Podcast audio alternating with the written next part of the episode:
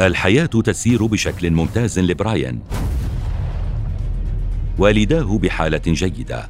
دراسته تسير على ما يرام وها هو يحظى بإعجاب واهتمام زملائه في المدرسة وأصدقائه.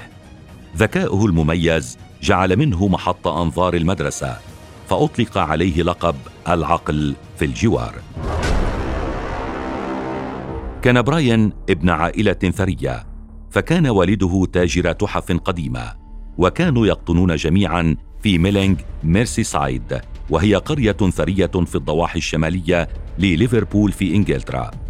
ما الذي يمكن أن يحول بطل التنس إلى مجرم بلا قلب؟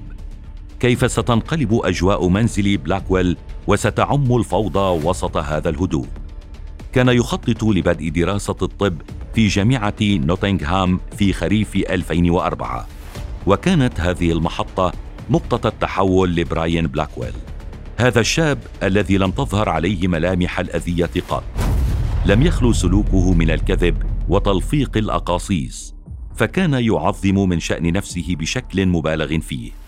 إذ كان يروي بانتظام أكاذيب غير ضارة بحيث كان يقوم بتجميل إنجازاته الأكاديمية لكن كذبه تصاعد رويدا رويدا بفترة صيف عام 2004 إذ تقدم بطلب للحصول على ثلاث عشرة بطاقة ائتمان باسم والده وحاول أيضا بعد ذلك الحصول على سلفة نقدية من البنك عن طريق الادعاء الكاذب بأنه لاعب تنس محترف يحتاج إلى المال للعب في بطولة فرنسا المفتوحة في وقت لاحق من ذلك الصيف.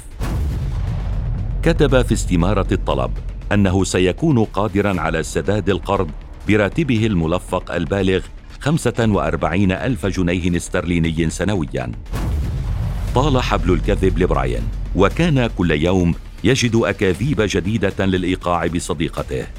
فجعلها تظن أنه فعلا لاعب تنس محترف وأنه يملك شقة وسيارة فخمة. كان محترفا في الكذب ولكي يضفي بعض الدلائل المحسوسة على أكاذيبه اشترى لصديقته هدايا باهظة الثمن وصرف عليها المبلغ المودع من أهله لمنحته الدراسية.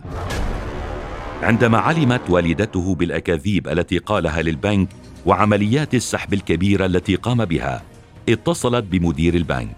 ومنذ ذلك الحين بدأت الأجواء تزداد توترا في منزل بلاكويل بحيث كان الوالدان يعربان عن خوفهما عن إنفاق براين الباهظ. براين الذي كان قد خطط للسفر مع صديقته للولايات المتحدة الأمريكية وقع في مواجهة مع والديه آنذاك فهما حاولا منعه من السفر وكان ذلك المنع الشرارة التي أشعلت رغبة الانتقام في ذهن براين. وفي الخامس والعشرين من يوليو عام 2004 قتل بلاكويل والديه في منزلهما بضربهما بمطرقة مخلب وطعنهما مرارا وتكرارا بسكين نحت. في اليوم التالي غادر براين للعطلة مع صديقته التي لم تكن على دراية بالجريمة وسافرا بالرحلة الفخمة التي كان قد خطط لها براين في الأصل. بعد عودتهما من السفر مكث لدى صديقته مدة أسبوعين بحجة أن والديه في عطلة في إسبانيا. لكن إلى متى ستبقى جثة الوالدين متروكة في المنزل؟ وهل سيبقى براين حرا بعد ارتكابه هذه الفظاعة بحق والديه؟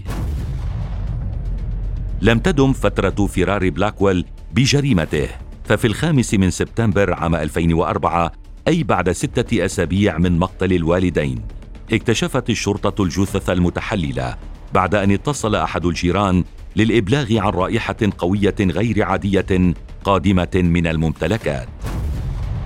كان تحلل الجثث من الهجمات متقدما لدرجة أن المحققين اعتقدوا في البداية أنهم ماتوا متأثرين بجروح ناجمة عن طلقات نارية.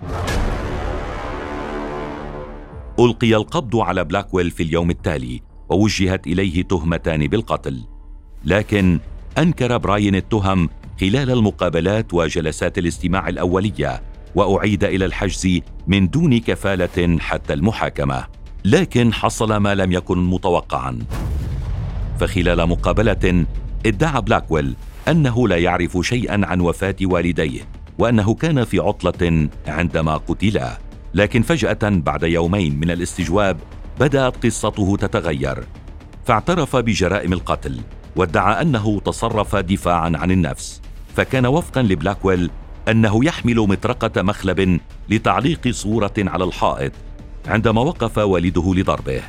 كان المحققون قد علموا سابقا أن والد بلاكويل قد تعرض للضرب على مؤخرة رأسه أثناء جلوسه وهو ما يتعارض مع مطالبة بلاكويل بالدفاع عن النفس.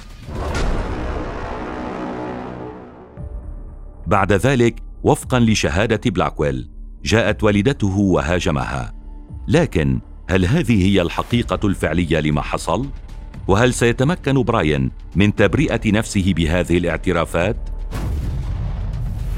في ختام المحاكمة تم إسقاط تهمة القتل المزدوج بعد أن أقر براين بأنه مذنب في تهمة القتل غير العمدي. وعلى أساس تشخيص الخبراء إصابته باضطراب الشخصية النرجسية فقد قلصت مسؤوليته الجرمية. فحكم على بلاكويل بالسجن مدى الحياة في التاسع والعشرين من يونيو عام 2005 بعد اختتام المحاكمة. ووفقا لصحيفة الجارديان يمكن نظريا أن يكون بلاكويل مؤهلا للإفراج المشروط بعد أن قضى ما يزيد قليلا عن خمس سنوات ونصف إذا قرر طبيب نفسي أنه مناسب للإفراج عنه. لكن القاضي صرح أن الأدلة الحالية تشير إلى أنه من غير المرجح أن يتم التوصل إلى هذا الاستنتاج على الإطلاق. ولكن في عام 2016 بعد جلسة استماع شفوية أفرج عن براين بعد أن توصل الأطباء إلى أنه قادر على الخروج من وراء القضبان. لم تنتشر أخبار كثيرة عن إذا تمكن براين من الانخراط في المجتمع مجددا فربما من المرجح أنه حصل على هوية مستعارة ليتمكن من العودة إلى الحياة الطبيعية. لكنه ومع ذلك أصبح اسمه واردا في لوائح المراهقين الأكثر خطرا في العالم بعد الجرم البشع الذي قام به. فالرأي العام استنكر وتعجب من قدرة مراهق على إيذاء وتشويه والديه ببرودة الأعصاب التي كان فيها بلاكويل الذي بات معروفا على أنه من أصغر المجرمين في بريطانيا الذين حكموا بتهمة القتل. وأنتم هل تعتقدون أن براين وسواه من القتلة يجب أن يخرجوا من السجن؟